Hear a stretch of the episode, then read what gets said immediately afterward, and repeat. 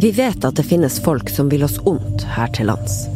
Og at konsekvensene, om de ikke stoppes, kan bli fatale. Risikoen for terror fra høyreekstreme øker i Norge. Men det er vanskelig å avsløre dem som planlegger det. Hvorfor er det sånn? Du hører på Verdens gang. Jeg heter Nora Torp Bjørnstad.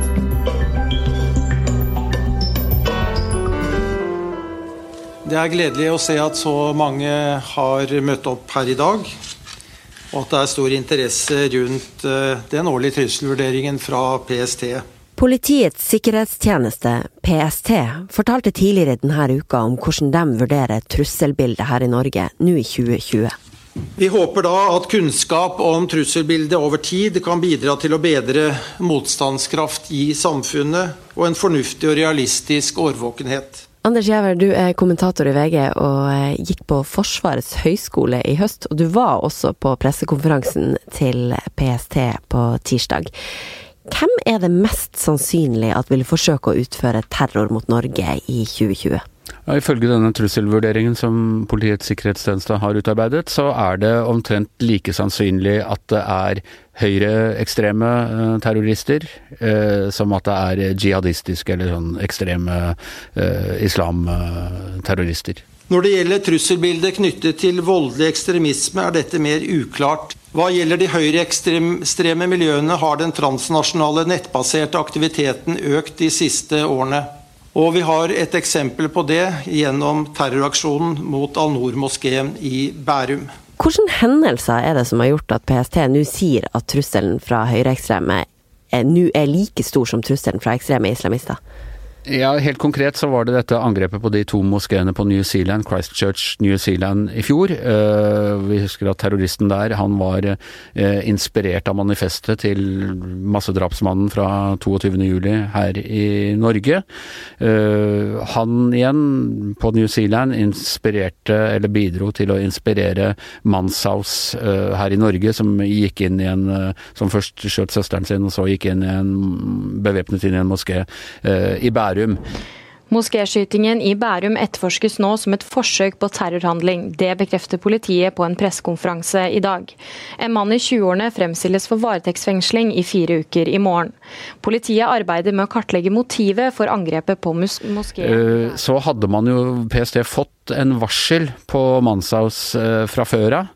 Eh, som, gjorde, som, vel har gjort dem mer, litt mer på alerten, tror jeg, når det gjelder uh, høyreekstrem terror. Og det viser også hvor altså, Manshaus kommer fra folkehøyskole.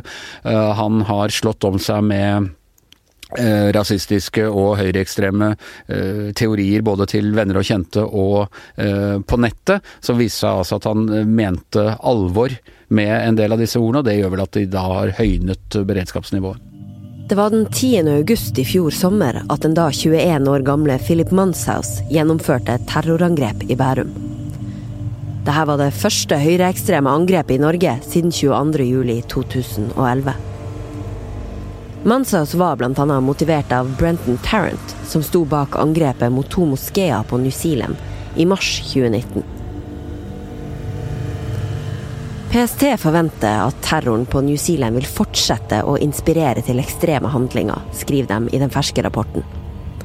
Dette er fordi de ser at terroristen hylles av sine meningsfeller for å ha forårsaka så store skader. Og de mener også at den brede mediedekninga har en spredningseffekt. Gjerningsmannen delte et manifest og en angrepsvideo på nettet. Og også det gjør at PST frykter at han kan bli en inspirasjonskilde for potensielle høyreekstreme terrorister det kommende året. This is CNN breaking news. Welcome back to our continuing coverage of the attacks in Christchurch, New Zealand. Now, police in New Zealand are urging people to stay off the streets and to avoid mosques in the coming hours after mass shootings at two mosques in the city of Christchurch. At least 49 people are dead, many others seriously wounded. This happened around 1:40 in the local time. Vi har hørt litt fra angrepet på New Zealand her. Hvordan har det angrepet vært med på å forme den nye høyreekstreme bølgen, vil du si? På en måte er det innen de ekstreme, høyreekstreme miljøene så er det en slags rehabilitering av uh, Anders Behring Breivik. Da han gjennomførte sine angrep uh, for uh, snart ni år siden, er det vel, så tok i grunnen absolutt alle avstand fra han, i hvert fall de han prøvde å nå frem til. Sånne såkalt kontra-jihadister og folk som var mot islam i Vesten og sånne ting. De reagerte med avsky på uh, all den volden uh, han presenterte, var bare noen sånne nynazistgrupper borte i Russland og Øst-Europa som egentlig uh, anerkjente han. Det fikk jo Breivik selv til å konvertere til nazisme mens han satt i fengselet. Så har det gått noen år. avstanden til de grusomhetene er blitt såpass stor at en del høyreekstreme nå har begynt å å se mer på innholdet i manifestet hans enn på handlingene hans. Og, og for dem er han Breivik altså en slags uh, visjonær. De kaller ham kommandør Breivik og, og Sankt Breivik, uh, og, og, deler bilder av ham og, og inspirasjon rundt han. Og dette angrepet på New Zealand var uh, liksom et stort, spektakulært terrorangrep inspirert av dette i 22. juli. The police commissioner and the facts keep getting worse. Uh, frankly, 49 people now confirmed dead, 41 of whom, according to the police commissioner, were killed at a mosque on Deans Avenue in Christchurch. Seven more killed at the mosque on Linwood. Fokuset på høyreekstreme trusler i Norge er veldig tydelig etter 22.07.2011, men egentlig så hadde jo Norge opplevd en del høyreekstrem terror i tiårene før også? Ja, vi har en ganske lang historie med enkeltstående øh, høyreekstreme terrorhendelser i Norge. Øh, først i øh, Eller et av de mest kjente tidligere var i 1979, på 1. mai, hvor det var en nynazist som kastet en bombe inn i 1. mai-toget her i Oslo. Eh, vi hadde noe som het, ble kalt Hadelandsdrapene i 1981, hvor en liten celle med veldig unge nynazister eh, henrettet to stykker som de hadde var i en våpenhandel med, på Hadeland. Eh, det var en bombe mot en moské i Oslo i 1985. Benjamin Hermansen-drapet i 2001, og altså da 22. juli. Så disse hendelsene henger ikke sammen, men det viser at det har vært en linje at vi hele tiden har hatt hatt eh, en slags trussel om høyreekstrem eh, terror eh, i Norge, og den aldri helt har forsvunnet. Likevel så er det vanskelig å avsløre dem som sitter og planlegger høyreekstrem terror. Heller enn terrorgrupper, så er det ofte snakk om enkeltpersoner som sitter for seg sjøl med skumle planer. Det gjør det vanskelig for sikkerhetsmyndighetene å skjønne hvor stort omfanget av trusler egentlig er. Det er først og fremst i sosiale medier at man kan forvente at oppfordring til høyreekstrem vold vil skje, mener PST. Måten det skjer på er gjerne gjennom anonym kommunikasjon, der det er om å gjøre å tøye grenser. Ofte brukes memes, referanser fra spill- og filmverden, ironi og sarkasme, noe som kan gjøre det vanskelig å avdekke hva det egentlig snakkes om. Det er sjelden at de som truer med vold, faktisk gjennomfører det. Men et fåtall kan la seg inspirere til å gå fra ord til handling. Eh, Anders, hva vet vi om hvordan PST jobber for å identifisere dem som sier de har evne og vilje til å bruke vold? Det er vel nok hovedsakelig på to måter. Det ene er tips, eh, og det andre er eh, nettet. De overvåker en del type forum, eh, og de prøver å da se på noen av de som er mest aktive, som bruker det mest ekstreme språket. Eh, hvor villig er de til å gjøre om ord til handling? Så bruker de Hadde de et, et prosjekt som de hadde på høyreekstreme rundt Benjamin Hermansen-drapet, hvor, hvor, de rett og slett oppsøker uh, folk som er radikalisert og som de mener er, står i fare for å gjøre noe. Det gjelder ikke bare høyreekstreme, det er også da uh, jihadister. Og da rett og slett ringer, de, ringer politiet på døra. Da tror jeg de tar det ganske sånn med, med lave skuldre i første omgang. Hei, du, vi følger litt med, vi ser at du er veldig aktiv på de og de foraene. Vi håper ikke du har tenkt å å gjøre noe gærent. Håper ikke du gjør noe som vil ødelegge fremtiden din, eller kanskje skade familien din, eller uh, få konsekvenser for andre. Vi er litt bekymra. Det er den derre speak softly and carry a big stick-greia. De, de, de, er vennlige i sin fremtreden, men de viser at vi følger med, og vi har maktmidler eh, å bruke hvis, eh, hvis du går over, over, streken. Den har vist seg ganske effektiv, men ikke alltid. Ja, du, du sier det, den er jo effektiv, men ikke alltid. For Manshaus-saken den illustrerer jo at det ikke alltid er så lett å avsløre noen som driver med planlegging av terror. Når vi skal forebygge ekstremisme og samtidig ivareta viktige personvernhensyn, står vi ofte overfor ulike dilemma. Avveininger mellom hva som er lovlig og hva som er straffbare ytringer, er ofte vanskelig. Terskelen for hva som er lovlig å ytre seg, er høy. Eh, men de hadde jo et tips på Mansa, så man vet jo ikke hva som hadde skjedd hvis politiet da hadde stilt opp og vist at eh, vi, eh, vi følger med på det. Kunne det ha virket inn? Ja, for det de gjorde var at de avskrev det, på en måte, eller de sjekka det ut og fant ja, at det ikke var noe mistenkelig. Ja, de sjekka ut som de antagelig gjør med veldig mange. Det var kommet et tips på ham. Det kommer jo, det kommer jo mange tips, og det er selvfølgelig vanskelig å vite. Og hvis du går inn, du kan jo bare gå på kommentarfeltet på Resett eller eh, dokument.no eller noe sånt, så ser du at det er en del folk som mener ganske ytterliggående ting. Eh, og de aller, aller færreste av dem vil noen gang foreta seg noe med det.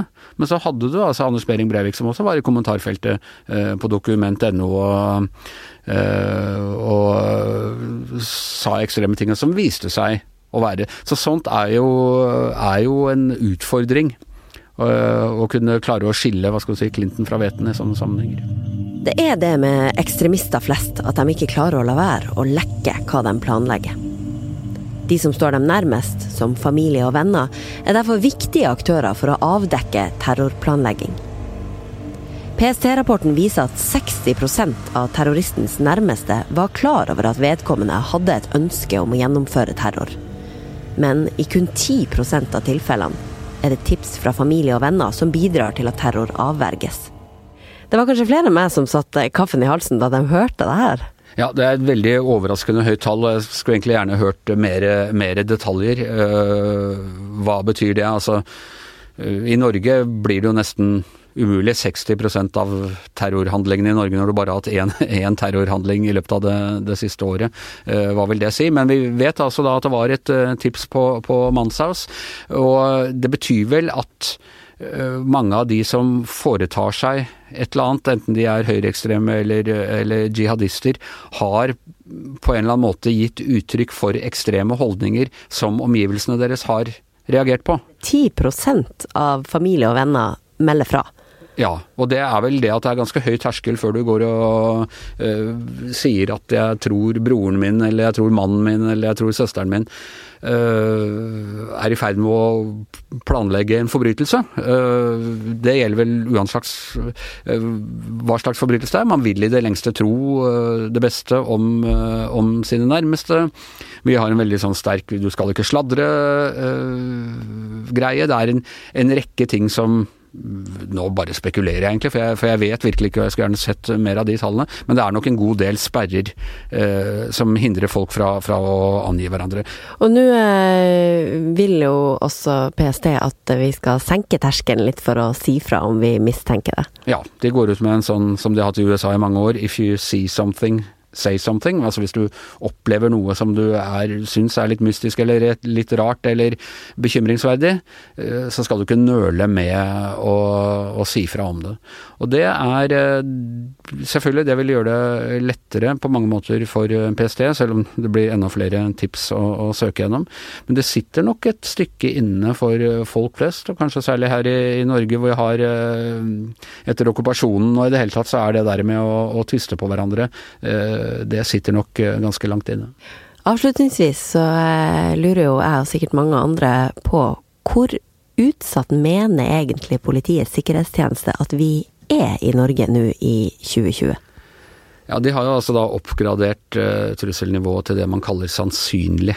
At uh, både når det gjelder jihadistisk terror og når det gjelder uh, høyreekstrem terror, så er det sannsynlig at det skjer.